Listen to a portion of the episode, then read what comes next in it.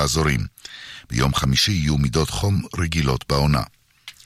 מידות החום החזויות בירושלים מ-18 מעלות בלילה עד 29 מחר בצהריים, בתל אביב מ-24 עד 30, בחיפה מ-22 עד 29, בצפת מ-18 עד 27, בבאר שבע מ-20 עד 33, ובאילת מ-27 מעלות בלילה עד 40 מעלות מחר בצהריים. עד כאן החדשות, כאן רשת ב'. השעה בחסות. חדש בקולנוע, מילד עני בקובה לפסקת עולם הריקוד. מרגש ושובה לב, בהשראת סיפור אמיתי. הסרט יולי, בקולנוע. כאן רשת ב' יאיר ויינרב. כאן רשת ב'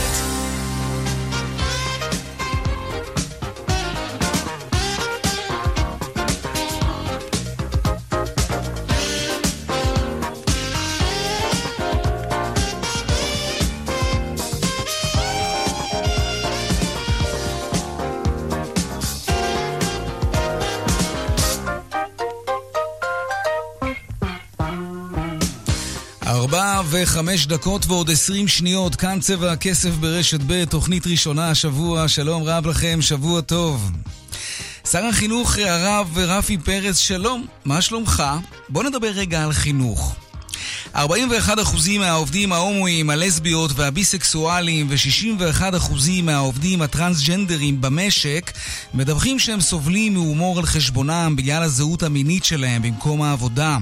קרוב לרבע מהעובדים האלה מספרים שמי שמתבדח עליהם הוא לא אחר מאשר המנהל שלהם, וכ-20% מדווחים ממש על הטרדות, כינויי גנאי ואפילו איומים. המצב לא משהו, ואנחנו עם סגולה, אור לגויים, משהו בחינוך של החבר'ה האלה שממררים בעבודה ללהט"בים את החיים בגלל הנטייה המינית שלהם, קצת דפוק, לא? אז מה אתה אומר, שווה לעשות איזה טיפול המרה למורים שהתלמידים שלהם יוצאים ככה? כן, לעולם החופשי. אגב, זה לא רק עניין ערכי, אפליה מכל סוג שהוא עולה למשק הרבה מאוד כסף.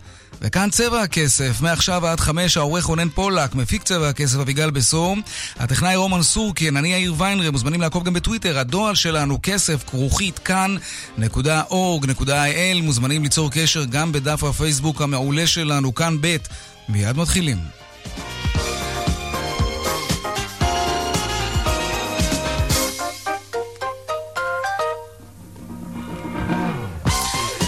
פותחים בכמה מכותרות היום בכלכלה, ירידה של כמעט 15% במכירת דירות חדשות, כך עולה מנתונים שפרסמה היום הלשכה המרכזית לסטטיסטיקה. הנתונים מתייחסים לחודשים מרס עד מאי, ובהם נמכרו לציבור כ-5,300 דירות חדשות בלבד. ההשוואה היא לשלושת החודשים שקדמו להם. תכננתם להיכנס לירושלים בשנים הקרובות? תחשבו טוב כיצד תעשו את זה. הבוקר נסגרה הכניסה הראשית לירושלים לכלי רכב פרטיים. הסיבה, תחילת השלב השני בעבודת בניית רובע הכניסה החדש לעיר. שלום ורד פלמן כתבתנו. זה נשמע כמו סיוט, ורד. כן, כן, שלום יאיר, זה יכול להיות בהחלט כאב ראש לא קטן, והבוקר זה קרה, כניסה לירושלים לכלי רכב פרטיים, יש לומר, דרך שדרות שזר, האזור של בנייני האומה, נחסמה לתנועה. התנועה מופנית לשדרות הרצל ומעקף דרך שדרות רבין לכיוון קריית הממשלה. חסימה היא עקב העבודות על רובע הכניסה החדש לעיר, ובו גם הפרדה מפלסית בין כלי תחבורה ציבוריים לבין כלי רכב פרטיים בשדרות שזר. וחניון ענק תת-קרקעי שמיועד ל-1,300 אה, כלי רכב. ומה לגבי עומסי התנועה? המנהלים של הפרויקט בהחלט צופים אותם, אנחנו בעיצומם של חודשי הקיץ, אז נפח התנועה יחסית קטן, אבל ה-1 בספטמבר בהחלט יהיה המבחן לכך. בואו נשמע נהג מונית שמספר לנו על הקשיים שלו בעקבות החסימה. פשוט לקחנו חופשים, לא יצאנו. לא יוצאים. אני נהג מונית, עובד בעיר, אז אה, יום שלם אני לא יוצא לעבודה פשוט. נראה איך אנחנו מתגלגלים, נראה מה יהיה. אה, תעבוד טיפה בתל אביב, טיפה ברמת גן, נסתדר. ורד. כן. אז uh, בסופו של דבר יש גם כאלה שיצטרכו לצאת מהעיר בשביל להשיג פרנסה, וזה רע מאוד לעיר יאיר. עד כאן. כן, תודה רבה, ורד. תודה. עכשיו לעניין הבא שלנו, הכנסות המדינה מתיירות נכנסת בשנה שעברה הסתכמו בכמעט 21 מיליארד שקלים, כך עולה מסקר תיירות נכנסת של משרד התיירות. העיר המתוירת ביותר בישראל ירושלים, האתר המתויר ביותר הכותל המערבי, ההוצאה הממוצעת לתייר בישראל 1,402 דולרים. נשמע מעט. אה, זה לא כולל כרטיס טיסה, אז בגלל זה. הנה דברים שאמר לנו שר התיירות, אמר לצבע הכסף, הנה.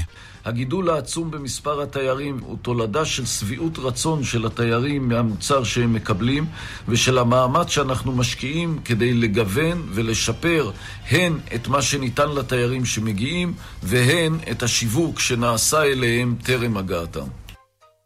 ועוד בשוק, בעוד בצבע הכסף, בהמשך על שוק רכבי היוקרה, בעוד כחצי שנה תבוטל הטבת המס על רכבי היוקרה החשמליים.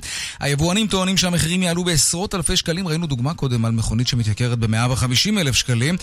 תגידו צרות של עשירים, נכון? לא בטוח. לשוק רכבי היוקרה, השפעה על ענף הרכב כולו, אנחנו נדבר על זה עוד מעט. וגם הפינות הקבועות שלנו, חיות כיס כרגיל, כמדי יום בסביבות 4 ו-30, והדיווח היומי משוקי הכספים. אלה הכותרות, כאן צבע הכסף. מיד ממשיכים.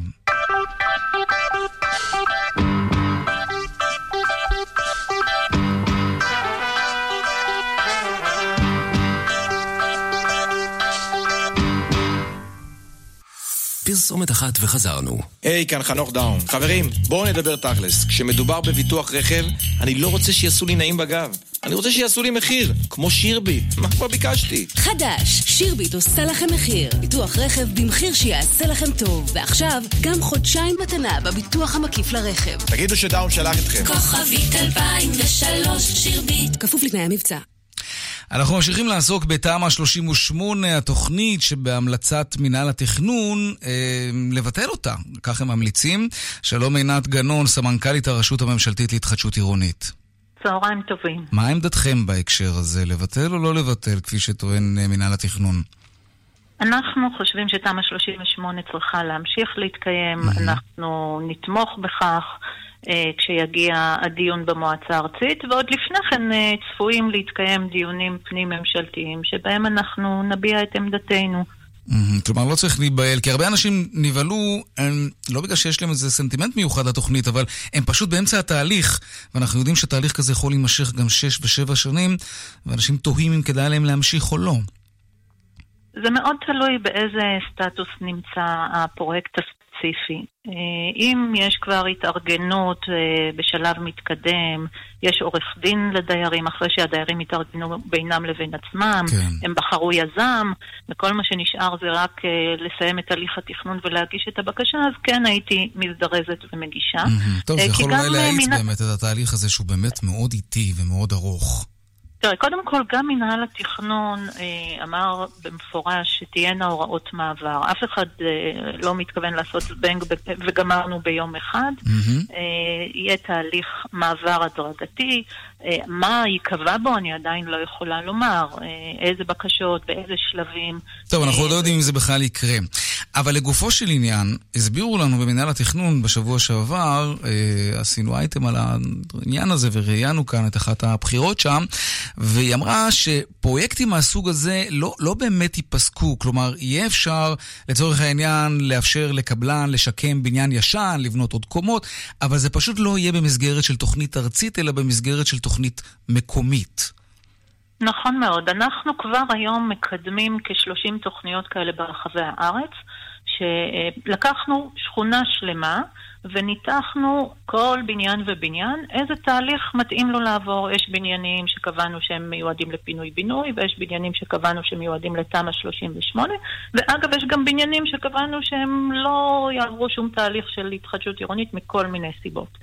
והתוכניות האלה נמצאות בהליכי אישור. ברגע שהן יהיו תוכנית מאושרת אה, על ידי מוסדות התכנון, אז אותו בניין שסומן להליך של תמ"א, שאז אולי יקראו לזה אחרת, כן. אה, יוכל לעבור את אותם הליכים אה, שבאמת ישאב את הזכויות שלו מתוכנית mm-hmm. שכונתית או תוכנית עירונית, ולא מתוקף אוקיי. תמ"א 38 כלומר, גם אם ההחלטה, גם אם ההמלצה של מנהל התכנון תתקבל, פרויקטים מהסוג הזה כן אפשר יהיה לבצע.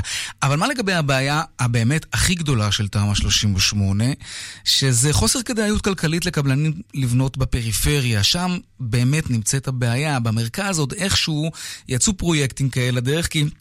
יש ביקוש לדירות, אנשים רוצים לרכוש דירות בגבעתיים, רמת גן, רעננה, תל אביב, אז קבלנים באים ו- ומציעים באמת לבניינים ישנים לבנות עוד קומה ועוד דירות, ויש ביקוש לסחורה שלהם. בפריפריה הרחוקה זה לא קרה, ואם חלילה תהיה כאן רעידת אדמה, אומרים שזה בכלל לא שאלה אם, אלא מתי, אז מי שחי במרכז יהיה מוגן, ומי שחי בפריפריה יהיה חשוף, וזה נורא. אין ספק שצריך לסייע לפריפריה, ותמ"א 38 מלכתחילה לא הייתה אמורה לתת מענה לפריפריה. אה, התוספת של שתיים וחצי קומות בפריפריה, לצערי, לא, בדיוק כמו שאמרת, לא מביאים לכדי כדאיות כלכלית, ולכן כן זה לא הפתרון. מה, מה, מה כן? הפתרון לפריפריה? כל, יש כמה פתרונות. אה, ראשית, משרד השיכון אה, מממן בשלוש-ארבע שנים האחרונות חיזוק מבנים מפני רעידות אדמה, לא במסגרת תמ"א 38, בלי תוספת יחידות דיור, רק חיזוק. וזה נעשה? זה נעשה, נעשה כבר 1,600 יחידות דיור חוזקו, mm-hmm. וככל שיינתנו עוד תקציבים, המשרד ממשיך לקדם את זה. בנוסף, בימים אלה אנחנו נמצאים בשיתוף פעולה עם פיקוד העורף. אה, ומגבשים תוכנית לחיזוק ומיגון במסגרת אה, תוכנית מגן לצפון, אה, שגם פה יינתנו תקציבים לחיזוק ומיגון. הפתרון הוא תקציבי. חד וחלק, mm-hmm. ואנחנו okay. פועלים גם לנסות לייצר אה, פיילוט של פינוי-בינוי בקריית שמונה. אה, יש לנו מי יממן את זה? תראה, צריך לעשות, קודם כל צריך לעשות איגום תקציבים. כי אה, יש כל מיני תקציבים שכמו שאמרתי, אם זה שיקום שכונות, ואם זה פיקוד העורף, ואולי גם נצליח לגייס קצת פילנטרופיה. אה, וביחד okay. עם אוקיי. כל התקציבים האלה אה, נצליח, ברור שזה לא בהיקפים אה, מאוד רחבים, אבל אה, צריך כן. להתחיל עם משהו. עינת גנון, סמנכ"לית הרשות הממשלתית להתחדשות עירונית, תודה רבה. תודה לכם. עכשיו לעניין הבא שלנו, עוד אה, צעד בדרך לשירותי האינטרנט של, אה, של הדור החמישי, לא שהדור הרביעי עובד כאן מי יודע מה. משרד התקשורת פרסם היום את מכרז התדרים, שבו צפויות להתמודד חברות שונות. שלום עמית תומר, כתבתנו לענייני כלכלה. שלום יאיר, ומה שאמרת, הערת הביניים הכל כך מוצדקת הזאת, שאפילו דור רביעי אין כאן בכל אזורי הארץ, זו אחת הסיבות לזה שאנחנו בישראל כל כך צריכים את זה, להתקדם בתשתיות שלנו. הסיבה שזה עדיין לא קורה, יאיר, אה, היא ברורה. מצבן הפיננסי של חברות התקשורת הוא לא טוב, מחירי הסלולר נחתכו, כך גם הרווחים שלהם, כמו החשבון החודשי שאנחנו אה, משלמים, זה התוצאה של כל זה, זה שהרווחים של החברות קטנים מאוד, לא מספיקים כדי שהם ירצו להשקיע בנו. הלקוחות, המלחמה היא בעיקר על המחיר. עכשיו משרד התקשורת רוצה שיעברו לדור חמישי, וזה לא ישפיע רק על מהירות האינטרנט אה, שלי, שלך, של אה, המאזינים שלנו, אלא גם יש לזה שימושים נוספים, זה כבר אינטרנט במהירות שיכולה לאפשר שירותי רפואה מתקדמים, אה, מערכות לרכב אוטונומי כשיהיו כאלה על הכבישים, ועוד שלל טכנולוגיות ככה שבהחלט יש חשיבות לדבר הזה שכבר מתפתח בעולם בצעדי ענק. מה קורה אצלנו כעת? משרד התקשורת משיק את המכרז לחלוקת התדרים, יש תדרים מהירים יותר ולכן מבוקשים יותר וכאלו שפחות, לפי uh, כמות הכסף שהחברות יסכימו להשקיע, uh, יחליטו כן. מי uh, בעצם uh, יקבל מה, אבל צריך לבוא ולהגיד, uh, יאיר, איך קוראים לחברות התקשורת uh, להשקיע כסף? אז במשרד התקשורת עושים את זה במספר דרכים. קודם כל הם אומרים, תתחייבו עכשיו, אבל את החשבון תפרעו רק ב-2022, יהיה לכם זמן לאסוף את הכסף, זה אולי ייתן uh, כדאיות לחברות לגשת למכרז. בנוסף, uh, המשרד... מסכים לתת אה, תמריצים, אה, תמריצים של 200 אה, מיליון שקלים, ממש כסף לחברות התקשורת שיפרסו תשתיות כמה שיותר מהר. יהיה מין מירוץ כזה, שמי שתגיע הראשונה תקבל סכום כסף גדול יותר מהמדינה, ובנוסף החברות... תמריץ, כן. יקבלו הנחה באגרות okay. אוקיי. התדרים. בואו נשמע את שר התקשורת, דודי אמסלם, מתייחס לעניין היום. הנה.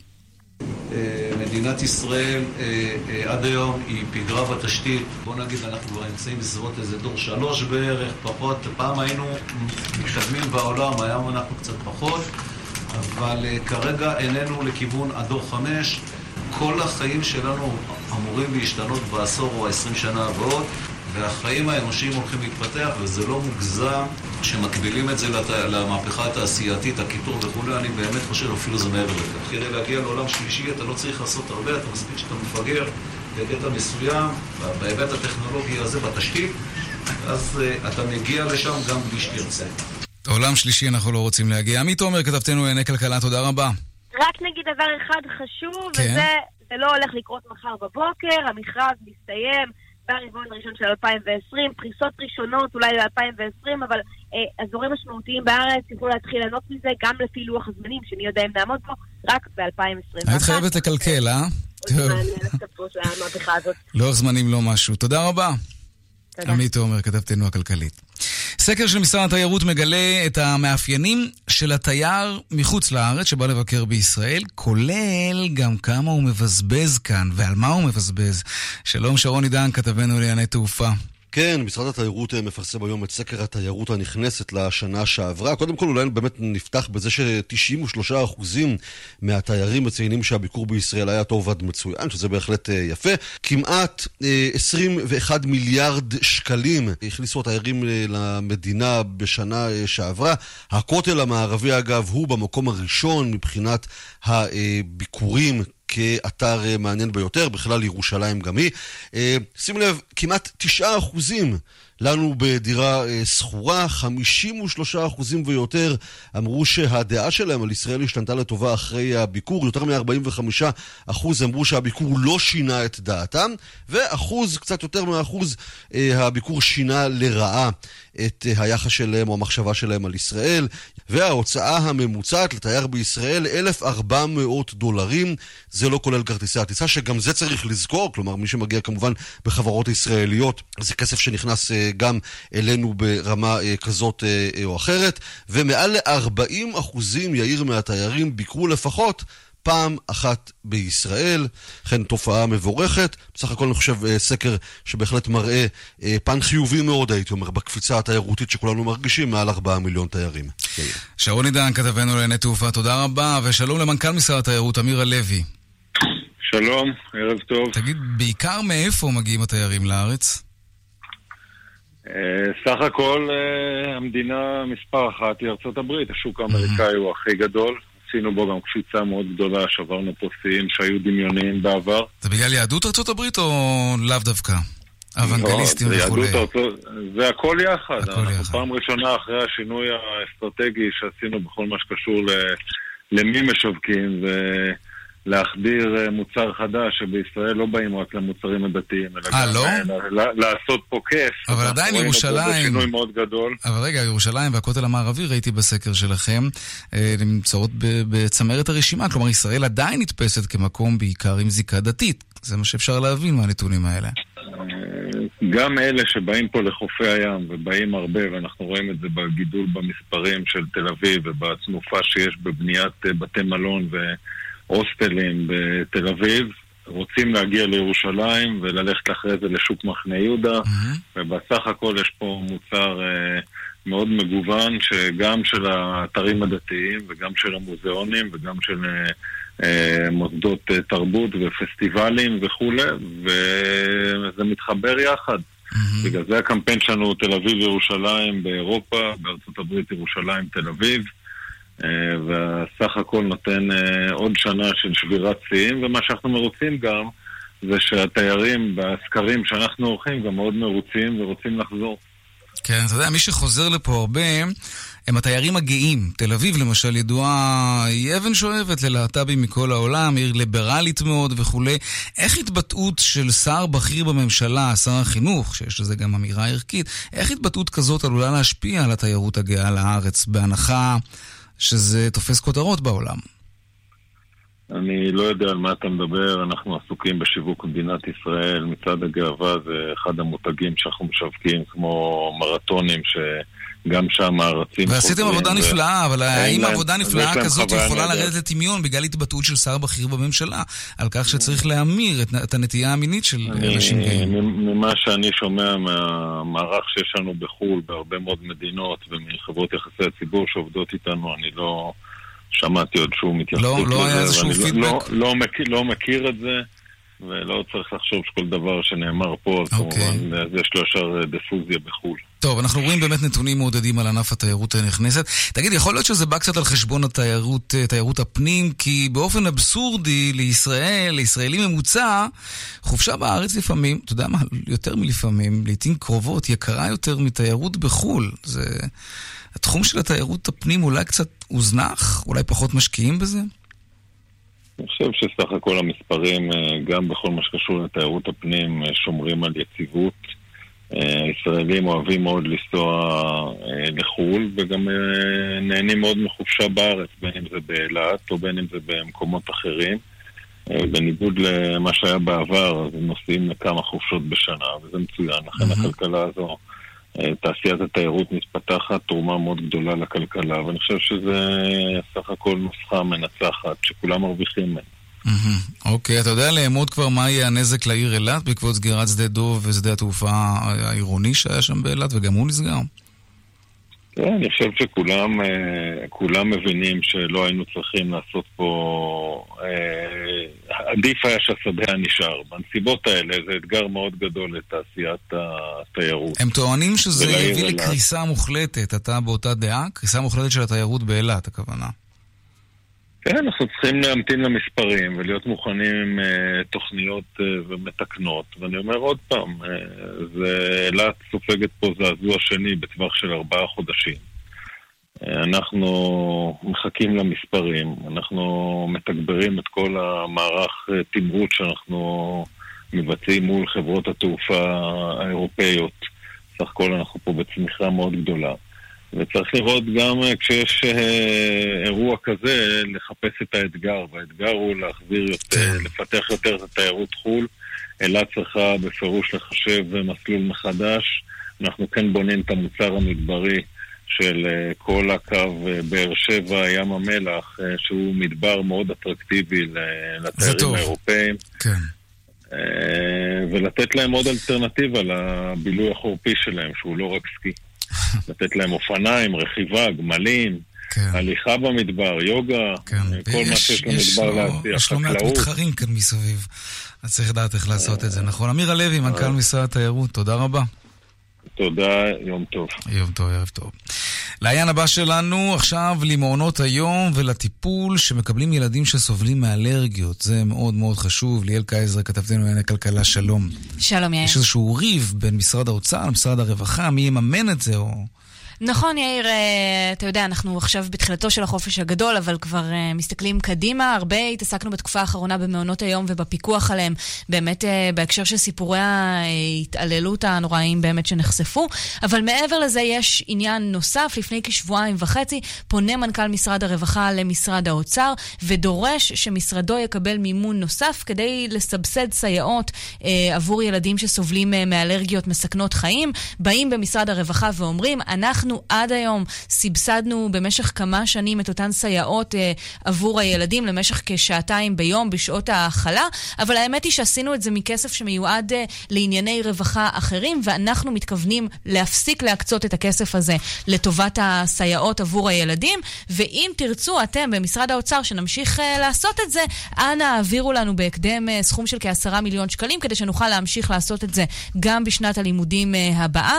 היום, יאיר, נשלחת התשובה מאגף התקציבים במשרד האוצר למנכ"ל משרד הרווחה בעניין הזה. במשרד האוצר אומרים אה, באופן חד וחלק למנכ"ל משרד הרווחה, אנחנו לא נעביר לכם uh, תקציב נוסף כדי לממן uh, סייעות לילדים. אומרים באגף התקציבים, עד היום, בשש השנים האחרונות, העניין הזה תוקצב על ידי משרד הרווחה בגלל סדר עדיפויות שנקבע על ידי uh, משרד הרווחה. באים ואומרים למנכ"ל משרד הרווחה, ככל שאתה צריך uh, עזרה לבדוק איך אפשר להשתמש בתקציב של המשרד שלך כדי לממן את העניין הזה, אנחנו כמובן נשמח לעזור לך. כסף נוסף לא יוקצה. ונאמר, יאיר, אנחנו הרי ממילא נמצאים uh, בתקופה שבה כבר הוחלט על uh, קיצוץ רוחבי לטובת צמצום הגירעון ומימון uh, סבסוד הצהרונים. אנחנו יודעים שאנחנו ניצבים בפני uh, קיצוצים נוספים. הקיצוץ הרוחבי של פחות ממיליארד וחצי שקלים הוא ממש הסנונית הראשונה. אנחנו אמורים לראות קיצוצים נוספים ברגע שתהיה ממשלה חדשה ותקציב חדש, ולכן מבחינת משרד האוצר, מבחינת אנשי אגף התקציבים, הדרישה הזאת של משרד הרווחה נראית דמיונית. כך או כך אנחנו בוודאי נשמע על העניין הזה יותר ויותר מצידם של בסופו של דבר ההורים לילדים. ילדים שהם ברור. אלה שנפגעים מהעניין הזה, מאוד. אה, ככל שנתקרב לשנת הלימודים הקרובה. ליאל קייזר, כתבתנו לענייני כלכלה, תודה רבה. תודה. דיווחי התנועה בחסות Foundation One, בדיקה גנומית להתאמת טיפול אישי למחלת הסרטן. Foundation One, באישור ה-FDA, לפרטים כוכבית 6639. דלתות במחירים מיוחדים? עכשיו ברב בריח, דלתות כניסה ודלתות פנים במבצע. דלתות בבית, בטוח רב בריח. כפוף לתקנון.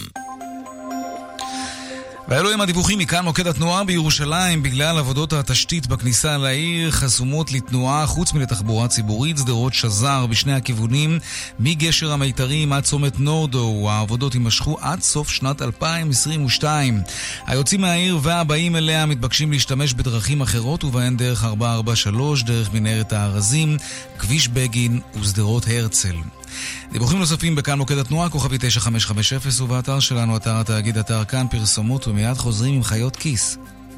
כאן ב' מיד חוזרים עם יאיר ויינרב. סוויס סיסטם עכשיו במבצע. שלוש מיטות לבחירה מבית רוף גרמניה, כולל מזרן סוויס, רק ב-9,400 שקלים. עכשיו נראה אותך יוצא מהמבצע. סוויס סיסטם נראה אותך מהמיטה. סוויס סיסטם, מערכות שינה. כפוף לתקנון. טיפ מהיר שכדאי להכיר. את מסנני המזגן מומלץ לנקות לפחות פעמיים בשנה כדי לשפר את יעילות זרימת האוויר ממנו. מתייעלים וחוסכים. איתכם בכל רגע, חברת החשמל. בעל עסק, בדרך לפגישה ונוהג ברכב החברה? אתה בטוח נהנה מיתרונות הליסינג של הרכב שלך. אז למה שלא תהנה גם מליסינג תפעולי מחשובי, ותוכל לחסוך בהוצאות המחשוב עם רדי? לפרטים התקשר עכשיו לרדי, כוכבית 2253, ותוכל לקבל חבילת מחשוב מלאה, יוצאת דופן, מ-165 שקלים. כפוף לתנאי המבצע. כשמדובר בבית שלכם, דלתות פנדור. דלתות פנדור, סימן שלא התפשרתם. חברת הדלתות הגדולה בישראל. ושאלה כמה כמה מים צריך לשתות בקיץ? ג'ריקן כל דקה? שלוק מים בכל הפסקה? כמה? הרבה! מבצע קיץ בשטראוס מים. הזמינו עכשיו את אחד מברי המים תמי 4, ולאחר חודשיים, אהבתם? תשאירו. לא אהבתם? תחזירו. תקבלו את כספכם בחזרה. כוכבית 6944 או באתר. בתוקף עד 31 ביולי, כפוף לתקנון. שינויים בהסדרי התנועה בכניסה לירושלים בשל הקמת רוב העסקים ומרכז תחבורתי מהגדולים בארץ. מ-14 ביולי שדרות שזר מגשר המיתרים ועד בנייני האומה תיסגרנה לתנועת רכב פרטי. תתאפשר תנועת תחבורה ציבורית. הערכו מראש, סעו בדרכים חלופיות והשתמשו ביישומון ווייז. רוצים הצעת מחיר אטרקטיבית ומותאמת אישית לביטוח רכב? במנור המבטחים? בטח שאפשר. חייגו עכשיו כוכבית 2000 או פנו לסוכן הביטוח ותוכלו לקבל עד 35% הנחה. כפוף לתנאי הפוליסה. אם ההורים שלכם סיעודיים, ייתכן שמגיע אליהם כסף מחברת הביטוח. אל תוותרו, יתקשרו עוד היום. כוכבית 2468. חברת לבנת פורן. השירות אינו משפטי. עוברים דירה? מחסני תאורה. קנו נברשת אחת מהקולקציה החדשה וקבלו את השנייה מתנה. השנייה מתנה. בואו להתרשם ממגוון הדגמים המיוחדים והסגנונות המעוצבים. עכשיו בסניפי מחסני תאורה. עשרה מביניהם כפוף לתקנון. טסים לחו"ל?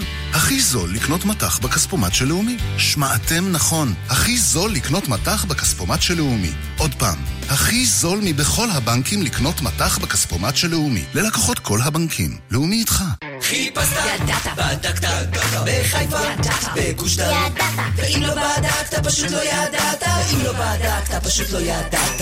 ידעת כמה הדירה שלך באמת שווה? חפשו ידעת בגוגל ותדעו. ידעת, מחשבון הנדל"ן של ישראל, מבית יד שתיים. ואם לא בדקת, פשוט לא ידעת. כאן רשת ב'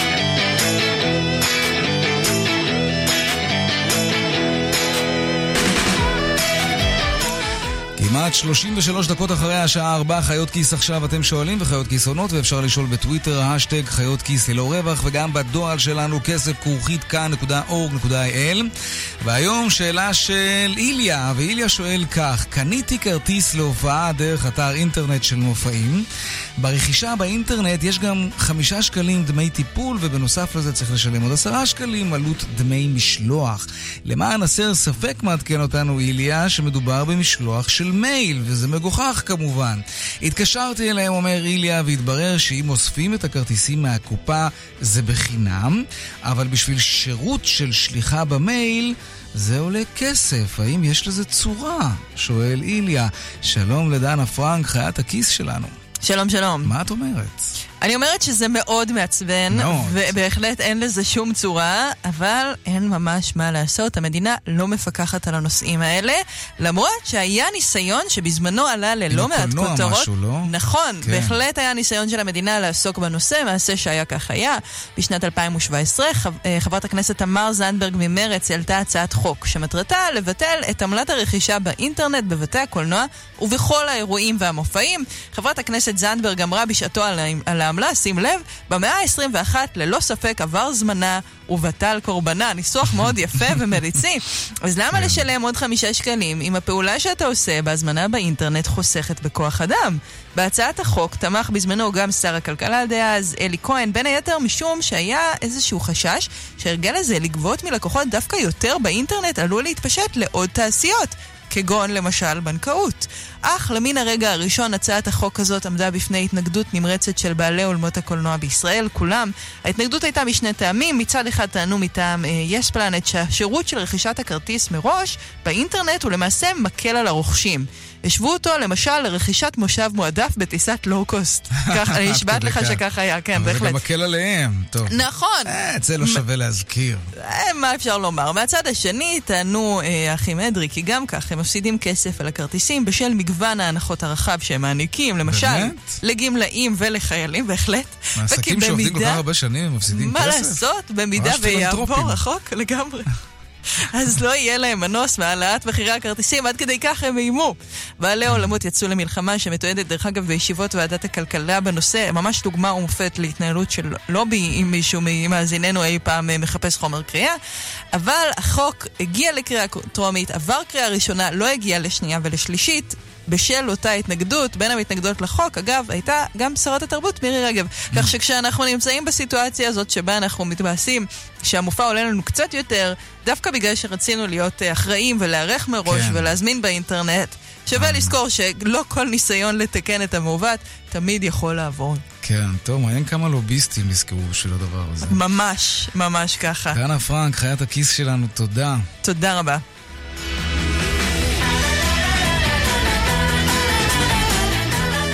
אנחנו לעניין הבא שלנו. רשות המיסים פנתה לבנקים שיש להם את האפליקציות האלה של התשלומים, כמו ביט, פפר, פייבוקס, והם הם דורשים, רשות המיסים דורשת מהבנקים שיעבירו לה מידע על מה שנקרא משתמשים כבדים. ברשות המיסים חושדים שכל מיני מלביני כספים ומעלימי מס משתמשים באפליקציות האלה. שלום לרואה החשבון גידי בר זכאי, לשעבר סמנכ"ל ברשות המיסים, שלום לך. שלום, שלום. הבנקים מחויבים להעביר מידע מהסוג הזה לרשות המיסים? כלומר, מי שמשתמש בזה לא מעלה על דעתו שהשם שלו יועבר אחר כך לרשות המיסים. זהו, אז, אז קודם כל, אה, נורא מעניין, אנחנו כבר כל כך הרבה זמן מדברים על מצב שבו השתנו הכללים, וזה כן. מצחיק לך שבן אדם משתמש באפליקציה שהיא רצה באינטרנט וב-SMSים או בכל מקום אחר, וחושב שהוא יכול לעשות פעולות שלא יגיעו אליהם. עצם המחשבה היא קצת אה, מעניינת. נאיבית ומעתה- קצת אולי, לא? אני חושב שקצת נאיבית. כי זה לנו דיגיטלי, ובכל זאת, יש פה איזה... זה מה שנקרא... של כסף מכיס לכיס. אני אגיד לך, אפשר לכנות את זה בדיוני מסדרון ברשות המיסים, זה נקרא כסף שמונח על הרצפה. כל מה אוקיי. שצריך זה לאסוף אותו. אבל מעבר לזה, גם, אנחנו גם קצת מתבלבלים, כי זה כאילו משהו, זה מין אפליקציות חדשות. השינוי הגדול הוא לא כל כך קיים. הדבר היחידי שכן קיים, פה, בסופו של דבר מתבצעת סליקה בין בנקאית וכמו סליקה של כרטיסי אשראי, אין שינוי גדול. עכשיו בעצם, לעצם גופו של עניין, אז אני חושב שיש התלבטות לגבי סעיפים בחוק שכבר קיימים שאפשר לבקש. יש סמכות לדרוש ידיעות על אה, לקוחות וספקים, והשאלה רק, ופה אני חושב שכדמוקרטיה, ואני לא חושב שרשות המיסים מנסה אולי לעשות פה משהו אחר, אנחנו לא רוצים מה שנקרא מסע דייג, לא רוצים fishing expedition. זה לא טוב, לא למיסים ולא לדמוקרטיה. כלומר, שרשות המיסים תקבל מידע בלתי מוגבל כדי שהיא תוכל לסנן ממנו את מי שהיא מחפשת, אני חושב שגם לא לזה מתכוונים ברשות המיסים. אלא למה? מתכוונים לזה שאם יש מקרים מסוימים שחושדים שיש בהם אה, אה, מעשים של אה, העלמות מיסים, הרי אנחנו מצפים שהם ימצאו אותם. עכשיו, השאלה המעניינת פה, וזה, אתה נכנסים לעולמות קצת חדשים, השאלה המעניינת פה זה איך מתייחסים משפטית לסיטואציה שנוצרת שמפעילים את האפליקציות האלה. כי אם האפליקציה הזאת למעשה שירות תשלומים שנותן שירות ללקוחות, יכול להיות שהדרישה הזאת אפילו לא אה, יוצאת דופן מפנייה. ניתן לך דוגמה, אנחנו מדברים הרבה פעמים על Airbnb. פונים ל-Airbnb, תיתנו את הרשימה של המשתמשים. נכון, הם עשו את זה, כן. נכון. ועל זה אנחנו לא ישר מזדעקים. רק בגלל שזה בנקאות ואפליקציות וזה, זה פתאום נראה משהו אחר. כי, כי יש לא איזושהי תחושה ש- כזאת שהשימוש בביט הוא, הוא אנונימי, מעבירים מכיס לכיס, כמו מזומן, התח- התחושה הזאת כן, לא אז- מוצדקת בעצם. אז קודם כל, אל תעלימו מיסים. שנית, אם זה- אתם מוחקים את. ה-SMS, ואם אתם מוחקים את ה-SMS והעלמתם מיסים, זה לא יעזור, כי זה לא, זה לא העניין. תתחילו להסתכל ולהבין מה קורה, ואני חושב אבל, מה, מה שאותי פה מעניין, זה שיש את האפליקציות האלה, שאנחנו כל הזמן, אנחנו שומעים ברקע את הדיבורים על הבלוקצ'יין והביטקוין וכל הדברים האלה שאיכשהו קשורים או לא קשורים לסיפור. וזה לאנשים נורא נוח להחזיק ביד את הארנק ולשלם ולהחזיר ולהוציא, והרגולטור בעצמו גם נהנה מזה, הרי כולם תמיד נרתעים מהדברים האלה, ופתאום הרגולטור בעצמו מבין שדווקא באמצעים האלה הוא יודע יותר טוב מה קרה. דווקא המזומן הזה שעובר מיד ליד ואף אחד בחיים לא רואה אותו. לפי דעתי זה מעניין, כי גם המשתמשים נהנים מזה, גם הרגולטור יודע לעבוד עם זה. עוד שנייה אנחנו גם מדברים על כל המסחר באי-קומרס, שזה אחד האתגרים הכי גדולים של רשות המיסים. אז היום שרשות המיסים באה לבנקים, והבנקים אומרים אנחנו לא ניתן, זה מוזר לי א' שבכלל צריך את המידע הזה לאסוף בצורה כזאת, כי זה כל כך טריוויאלי, שאנשים משתמשים בזה, מניחים את הכסף על הרצפה. ושנית, אני חושב שאנחנו קצת מתבלבלים, לא התחדש פה הרבה. זו סליקה רגילה עם משהו קצת אה, יותר ידידותי למשתמש. זה ברור לגמרי שזה כמו העברה של אה, מזומן לכל דבר ועניין, אך ניתנת לתיעוד. זה בסדר, רק צריך שגם המדינה תדע לבקש רק מה שהיא צריכה, אני לא חושב שקרה פה משהו אחר, זה בסדר. רק לא לעשות מסע דייג. לא. רואה חשבון ג- גידי בר זכאי, לשעבר סמנכ"ל רשות המיסים, מנכ"ל ביטקס, תודה רבה. תודה, יום טוב. ערב טוב.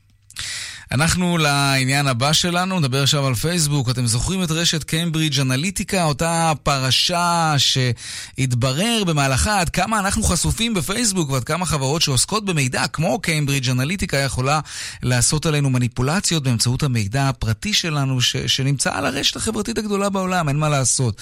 בעקבות הפרשה הזאת הטילה נציבות הסחר הפדרלית בארצות הברית קנס של חמישה מיליארד דולרים, הקנס הכי גבוה שהוטל אי פעם על חברה בעניין כזה. שלום עורך הדין חיים רביה, ראש קבוצת האינטרנט, הסייבר וזכויות היוצרים במשרד פרל כהן, שלום לך. שלום, אחר צהריים טובים. אולי קנס גבוה, אבל אה, תסכים איתי שזה לא מדגדג את פייסבוק, נכון? אה, מדגדג מעט, אני מסתכל על הדוחות הכספיים שלה לרבעון הראשון של 2019, ושורת ההכנסות יורדת מ... אמ, אה, 15 מיליארד ומשהו אה, דולרים, אה, בסופו של דבר הרווח שנשאר להם הוא 3 מיליארד 317 מיליון דולרים בעקבות הפרשה של 3 מיליארד דולר ל... לקנס הזה. לקנס הזה. טוב, כן. בוא נפשט את העניין. אנחנו יכולים- להשתתף בצערה מצד אחד ולהעריך שהם נשארו חברה מאוד רווחית. וגם תישאר ככה כנראה הרבה מאוד שנים. בוא, נפשט קצת את העניין. על מה בדיוק, במילים פשוטות, משלמת פייסבוק את הקנס הזה? היא משלמת קנס על כך שהיא הפרה הוראות מוסכם שניתן כלפיה בשנת 2011 ביחד עם אה, נציבות הסחר הפדרלית. אז הצו המוסכם הזה, אה, אה, גם הוא תולדה של חקירות שעסקו בנוהגי הפרטיות שלה, אה, ובין השאר אה, הוא דרש ממנה... רגע, חיים, איכות הקו פשוט ממש גרועה. יש אפשרות שאולי זווית הסמארטפון או משהו, בוא, בוא, בוא ננסה לשפר את איכות הקו, אחרת יהיה קשה מאוד להתראיין. אז אני רק יכול לקוות שכעת הוא יותר טוב. זה, אה, אה, כן, זה נשמע הרבה יותר טוב. בוא, בוא עוד פעם, נחזור לנקודות. אם אנחנו רוצים להבין מה פייסבוק עשתה לנו, המשתמשים, בגלל, ובגלל זה היא משלמת את הקנס הזה, מה? בשנת 2011 נציבות הסחר הפדרלית אה, אה, הוציאה צו מוסכם אה, כלפי פייסבוק שמורה לה כיצד לנהוג בהיבטים מסוימים של הפרטים. למשל, למשל, זה כללי מדי. מה היא הייתה צריכה לעשות ולא עשתה? למשל, היא צריכה הייתה להשיג את ההסכמה המפורשת של כל אחד מהמשתמשים. שלך אה, ושלי, שלה, כן. ש... לפני שהיא אה, אה, נוקטת אה, אה, צעדים לשינוי מדיניות הפרטיות שלה. זה הוראות אחרות. באה פרשת קיימברידג' אנליטיקה ומגלה שחברה שלחלוטין לא היה לה על פני הדברים אה, אה, קשר עם פייסבוק, מגיעה למידע על לא פחות ולא יותר מאשר 87 מיליון משתמשים של פייסבוק. איזה מידע למשל? תזכיר לנו מה, מה הם הצליחו לחלץ מסד הנתונים. הם הצליחו לחלץ כמעט את כל המידע שיש אה, על אה, 270 אלף משתמשי פייסבוק והחברים שלהם. שמה? וכתוצא... הם ידעו עליהם מה? הם ידעו מה הנטיות הפוליטיות שלהם, הכל. מה הנטיות המיניות שלהם, הכל, ממש ברמה הכל. הזו. הם, העניין הוא לא רק המידע שהם ידעו, אלא מה הם יכולים היו לנתח ולהשיג על אותם משתמשים. ולחשוף לאותם משתמשים. ליצור כן. להם, יכולים היו ליצור להם ויצרו פרופילים פסיכולוגיים. שזה הרבה מעבר למידע שאותם כלומר, משתמשים ידעו איך, ידעו איך לגשת לאותם משתמשים כדי להשפיע עליהם, למשל בעניינים פוליטיים לדוגמה. אבל אתה יודע מה, אני, אני רוצה רגע להיות עכשיו הסנגור של פייסבוק, סתם לצורך ההמחשה. אה, אם אני מציע, אני פייסבוק, כן? אני מציע שירות חינם להמונים. אומר להם, בואו, תקייפו, תעלו תמונות, תעלו פוסטים, תכתבו סיפורים, תמתחו ביקורת פוליטית, ביקורת על מסעדה שהייתם בה, תשתפו את כולם שהילדים שלכם מתגייסים, תעשו מה שאתם רוצים. אנחנו, ורק אנחנו, כן, הציבור, שם את החיים שלנו בפייסבוק. אז למה אנחנו כל כך נרעשים אם יש מישהו שיודע לאסוף את כל מה שאנחנו עושים בעצמנו באופן פומבי, ומישהו בא ולומד עלינו מיליון דברים? איפה האחריות שלנו כגולשים, כמשתמשים לעניין הזה? התשובה על זה היא מורכבת, אבל אני אפשט אותה. אחד, כדי שאנחנו נסכים, צריך להגיד לנו בדיוק מה יעשה במידע שלנו. זה לא נאמר. שתיים, גם אנחנו לא יכולים לדמיין מה יעשה בכל הידע והמידע עלינו. לדוגמה, אנחנו לא יכולים להעלות בדעת שישרטטו פרופילים פסיכולוגיים שלנו שיאפשרו לפנות אלינו בהודעות מאוד מתורגתות, מאוד mm-hmm. מתאימות לנו אישית, כדי להשפיע על האופן מטרה. שבו אנחנו פועלים. כן. אנחנו הופכים להיות מטרה למניפולציה פוליטית. Mm-hmm. אוקיי. זאת אומרת, אם עד עכשיו חשבנו ש... לא כדאי שידעו עלינו, כי, לא, אה, כי אנחנו לא רוצים שיטרידו אותנו בלמכור לנו משהו, אז כעת מתברר שאפשר לחולל מניפולציות פוליטיות שיורדות לשורש ההליך הדמוקרטי. אז זה הדבר האחד. וזה כנראה עובד, וזה כנראה עובד. כן, יש לנו זמן לעוד נקודה אחת, כי אנחנו חייבים לסיים לצערי. כן, אז לא, זה, אלה אוקיי. עיקרי הדברים. פייסבוק היא חברה שחיה על הדאטה של היוזרים שלה. הדאטה הזה שווה הרבה מאוד כסף, כן. הדאטה הזה שווה הרבה מאוד כסף. הניסיון לתת ליוזרים שליטה, כביכול בואו כן. תסכימו, ואנחנו נעשה רק מה, ש... מה שאתם תסכימו לו, הוא כמעט נועד לכישלון, מפני שהשימושים הם לאין ארוך מתוחכמים יותר מכפי שהדעת יכולה אה, להעלות. עורך הדין חיים רביה, ראש קבוצת האינטרנט, הסייבר וזכויות היוצרים במשרד פרל כהן, תודה רבה. תודה, ערב טוב. ערב טוב.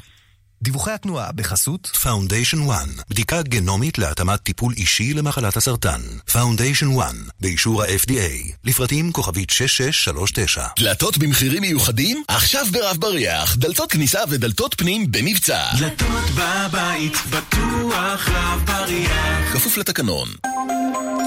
אלו עם הדיווחים מכאן מוקד התנועה באיילון צפונה עמוס ממחלף חולון וקיבוץ גלויות עד ארלוזרוב דרומה יש עומס ממחלף רוקח עד לגוארדיה בדרך שש צפונה עמוס ממחלף נשרים עד בן שמן וממחלף קסם עד מחלף חורשים. דרומה עמוס ממחלף תל קשיש עד מנהרת יוקנעם. דיווחים נוספים בכאן מוקד התנועה כוכבי 9550 ובאתר כאן. פרסומות ומיד חוזרים. דיווחי התנועה בחסות Foundation One, בדיקה גנומית להתאמת טיפול אישי למחלת הסרטן. Foundation One, באישור ה-FDA, לפרטים כוכבית 6639. מיד חוזרים עם יאיר ויינרב. אני יכול להבין את הבנק שמכין לקחת 40% עמלה בממוצע על ביטוח המשכנתה. בכל זאת, בנק הוא עסק כלכלי. מה שאני לא מבין, זה אנשים שמחליטים לעשות ביטוח משכנתה בבנק. נמאס לכם לשלם עמלות מיותרות? עברו ל-AIG, ביטוח המשכנתה הזול בישראל. 800, 400, 400.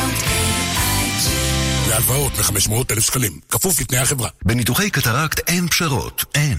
אין טל, מרכז רפואת העיניים מהמובילים בישראל, עם אלפי ניתוחים מוצלחים בשנה. למוקד, כוכבית 6612, אין טל. לקוחות לאומי, לראשונה בישראל, מזמינים פגישה בכל סניף לאומי, באתר, ביישומון או בכוכבית 5522 ומדלגים על התור. דיגיטל זה לאומי, לאומי איתך.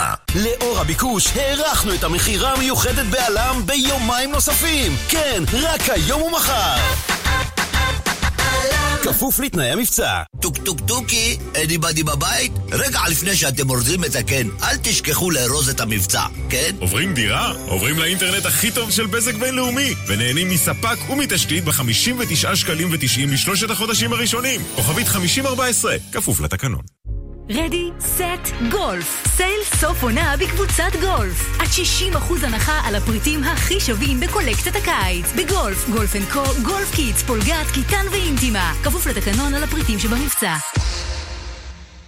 פינו אותך למיון בחו"ל? מזל שיש לך ביטוח. עכשיו אתה בסך הכל צריך להעביר להם הבחנה של רופא, גיליון חדר מיון, תוצאות בדיקות, קבלות תשלום, כרטיסי טיסה, היסטוריה רפואית, צילום המחאה, לחכות 21 ימי עסקים, שזה כלום, מה זה 21 ימי עסקים? ובסוף תקבל החזר בניכוי השתתפות עצמית. בפעם הבאה, פספורט קארד. ביטוח נסיעות לחו"ל שמשלם במקום. לפרטים פנו לסוכן הביטוח או חייגו כוכבי 9912, כפוף לתנאי החברה והפוליסה. בניתוחי עיניים אין פשרות, אין. אין טל, מרכז רפואת העיניים מהמובילים בישראל, עם יותר מ-60 רופאים מומחים. למוקד כוכבית 6612, אין טל. לאור הביקוש, הארכנו את המכירה המיוחדת בעלם ביומיים נוספים. כן, רק היום ומחר.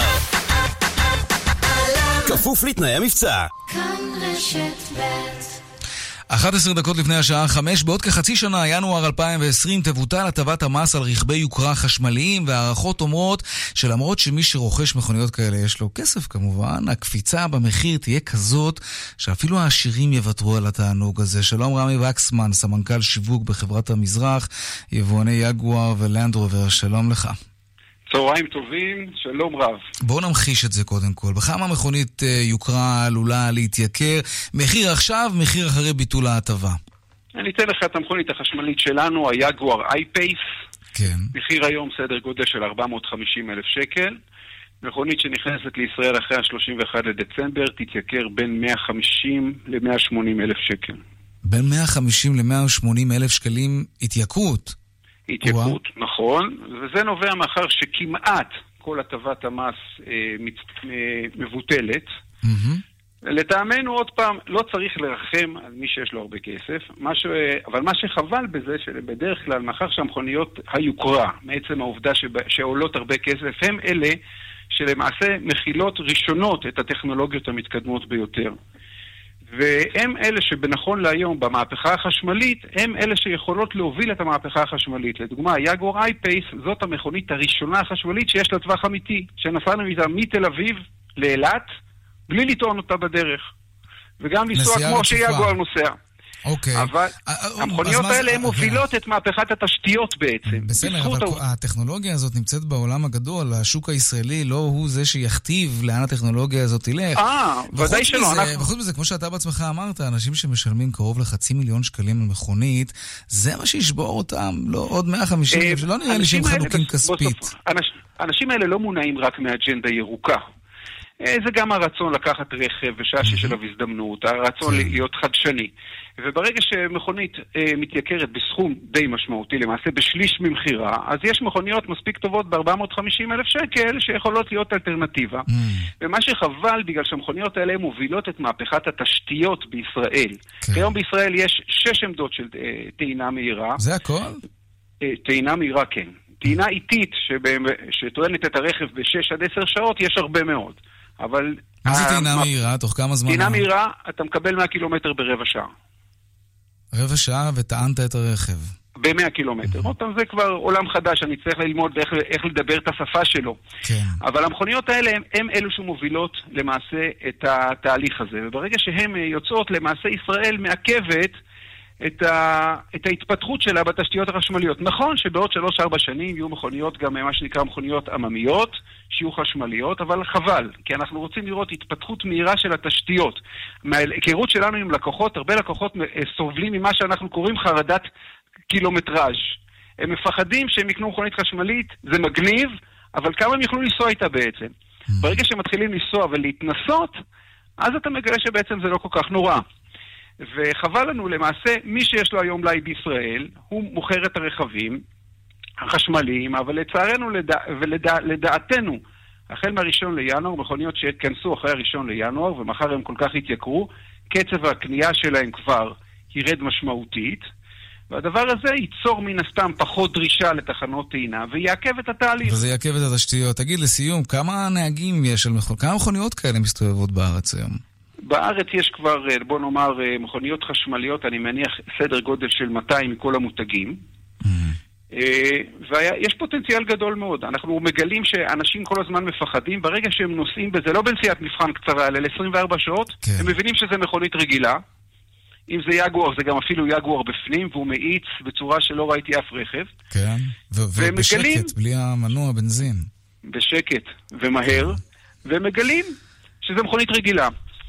ולכן אני אומר, כן. חבל שהטיפול במיסוי לא מתבצע עם פינצטה, אלא קצת יותר עם גרזן. וזה עלול לעכב את uh, קצב uh, הפריסה בארץ. רמי וקסמן, סמנכ"ל uh, שיווק בחברת המזרח, יבואני יגואר ולנדרובר, תודה רבה. תודה, תודה לך, ערב טוב. ערב טוב. עכשיו לעדכון היומי משוקי הכספים כמובן. 102 200, take them.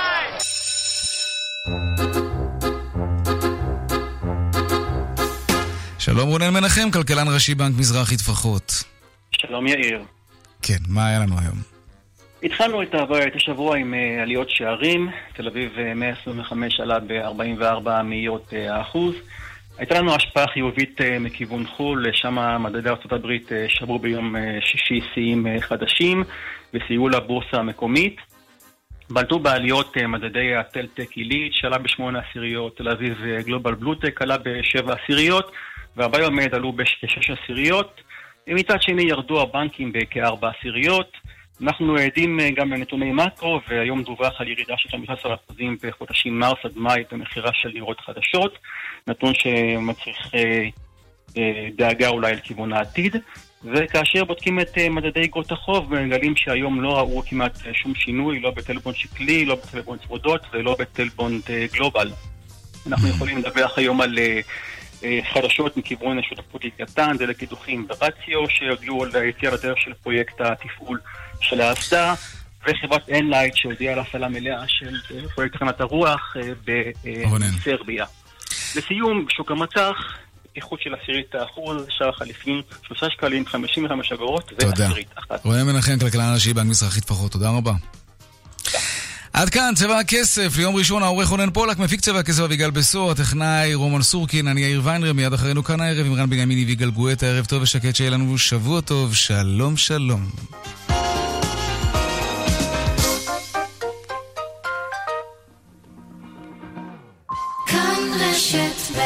השעה בחסות סיטרואן C3, 36 שילובי צבעים להתאמה אישית. עכשיו, בתנאים מיוחדים לקיץ. עד 20 ביולי. סיטרואן, כוכבית 4989. סיטרואן. סייל הקיץ הגדול של רויאלטי קורה עכשיו. עד 50% הנחה על תכשיטי יהלומים. היכנסי, תתחדשי. כפוף לתנאי המבצע, לחברות מועדון ומצטרפות חדשות. בפעם הבאה, פספורט קארד. ביטוח נסיעות לחו"ל שמשלם במקום. לפרטים פנו לסוכן הביטוח או חייגו כוכבי 9912, כפוף לתנאי החברה והפוליסה. כאן שאול משאול פרחים ובנוב שלום. מהיום שבנוב בעסק, הוא חולם לצמוח ולהפריח את העסק. אז אמרתי לו, מה אתה רוצה ממני ילד? לך לבנק. אז הוא הלך, ואחר כך חזר. כי סגרו את הסניף והחליפו את הצוות. אם יחליפו לי צוות אני לא אצטוות?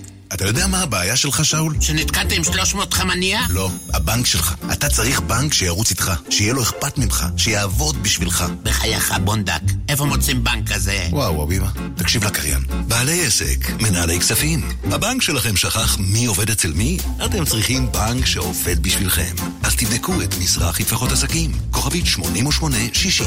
מה הוא מתערב? עכשיו באלדן, מגוון ענק של כלי רכב עד 100% מימון. אלדן, נותנים את הנשמה ב-100%. כוכבית 3003, כפוף לתנאי המבצע. תתחילו לארוז. עושים מינוי לידיעות אחרונות במסלולים שבמבצע ויכולים ליהנות מהטבה. מזוודת ארבעה גלגלים של חברת סמסונייט מסדרת SQ בשווי 1,295 שקלים. להצטרפות חייגו כוכבית 3778, כפוף לתקנון ולאזורי החלוקה, למצטרפים חדשים בלבד, במסלולים שבמבצע. ידיעות אחרונות, העיתון של המדינה. ידיעות אחרונות יגאל. כן, מני. בדקתי בעניין כלי רכב לעובדים, צריך להגדיל תקציב. מחירים וידאת? כן. תנאים, השווית? בוודאי. ובאופרייט בדקת? אה, זאת אומרת, דודה שלי, כאילו... האקווריום ב... לא בטוח? תהיה בטוח! לא סוגרים לפני שבודקים באופרייט. ליסינג תפעולי אמין ומשתלם ביותר. חייגו לאופרייט, הילדים הטובים של עולם הרכב. כוכבית 5880 הורים וילדים, גם השנה משרד החינוך איתכם בחופשת הקיץ. אתם מוזמנים ליהנות מהתוכנית קיץ אחר שמוביל משרד החינוך. מגוון עצום של פעילויות לילדים ולנוער בכל רחבי הארץ. בתי ספר של החופש הגדול, פעילויות בשיתוף תנועות הנוער וארגוני נוער, קורס מד"צים, קייטנות דיגיטליות בלי תשלום ומגוון נוסף של קייטנות. ערי ילדים ונוער ברשויות המקומיות, מוקד התנדבות ארצי לנוער ועוד. פרטים באתר משרד החינוך. רק רצינו לומר תודה. תודה ליונים, לחבלי הכביסה, לספות המרופטות ולאנטנות שקלטו פעם את ירדן ולבנון. עשיתם עבודה נהדרת. עכשיו אם רק תוכלו לפנות לנו את הגג. מהפכת הגגות הסולאריים של רשות החשמל ומשרד האנרגיה יוצאת לדרך. יש לכם גג פנוי בבית, בבניין או בעסק? התקינו עליו פאנלים סולאריים ותוכלו להרוויח ממנו כסף. לפרטים חפשו בגוגל רשות החשמל. הופכים צרכנים ליצרנים. פרקט פרקט יש בכרמל, פרקט פרקט יש בכרמל, פרקט פרקט יש בכרמל, פרקט יש בכרמל. להשיג ברשת ביתילי וברשת כרמל פלור דיזיין. בפעם הבאה, פספורט קארד. ביטוח נסיעות לחו"ל שמשלם במקום. לפרטים פנו לסוכן הביטוח או חייגו כוכבי 9912, כפוף לתנאי החברה והפוליסה. רן בנימיני ויגאל גואטה. כאן, אחרי החדשות. כאן רשת ב'